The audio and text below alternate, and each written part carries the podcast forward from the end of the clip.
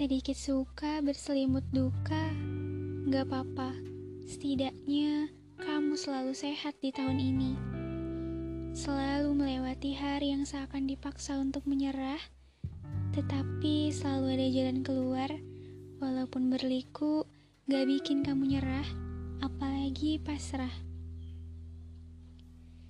Jumpa lagi di podcast Melodi Bercakap, lewat kata aku menyapa, lewat bercakap, kita bersua.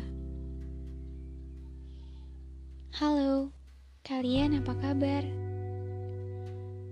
Walaupun semesta nyiapin alur yang rumit di tahun ini, namun tetap indah, masih bisa untuk dilewati walaupun membingungkan.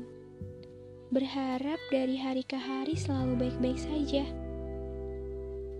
Ya, walau terkadang hidup bukan tentang baik-baik saja. Boleh aku bercerita?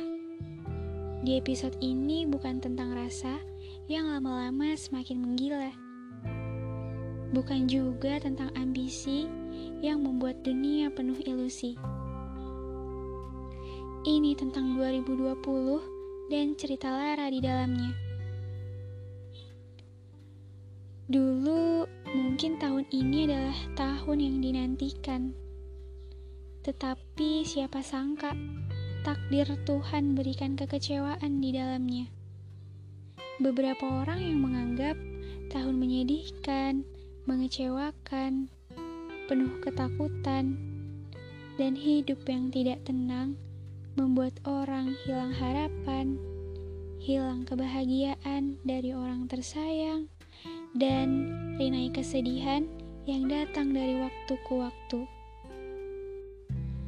Mentalmu yang sampai detik ini masih bersedia dipaksa untuk sehat, mata yang selalu siap diajak bergadang, otak yang masih selalu berpikir positif tentang masa depan, hati yang berusaha untuk tidak menghiraukan orang, bibir yang selalu tersenyum apa pun kondisinya, kaki yang tak lelah diajak ke mana pun, dan tangan yang selalu siap mengusap ketika mata menangis.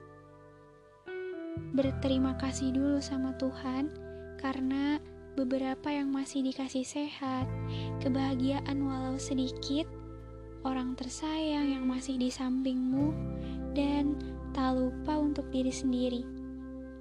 Terima kasih diriku, kamu sudah berusaha. Ucap batinmu. Banyak hikmah yang bisa kita ambil di tahun ini.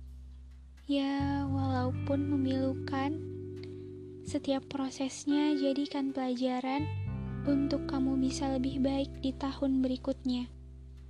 Untuk bisa meraih kembali harapan yang pupus di tahun ini, yang nantinya kamu bangkit di tahun berikutnya sebagai sosok kuat, tangguh, dan tidak mudah rapuh.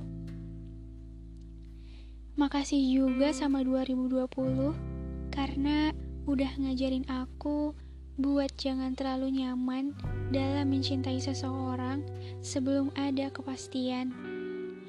Makasih udah nemuin aku dengan banyak teman online, walaupun jadi penonton story juga pada akhirnya. Makasih udah dibuat dewasa dengan cara menyakitkan, dijauhkan dari teman toksik, dan diberi teman yang tulus.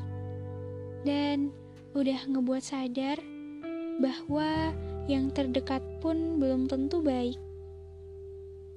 2020 sudah cukup ya. Pandemi ini sampai di sini aja. Karena kami sudah merindukan kehidupan yang baik-baik saja.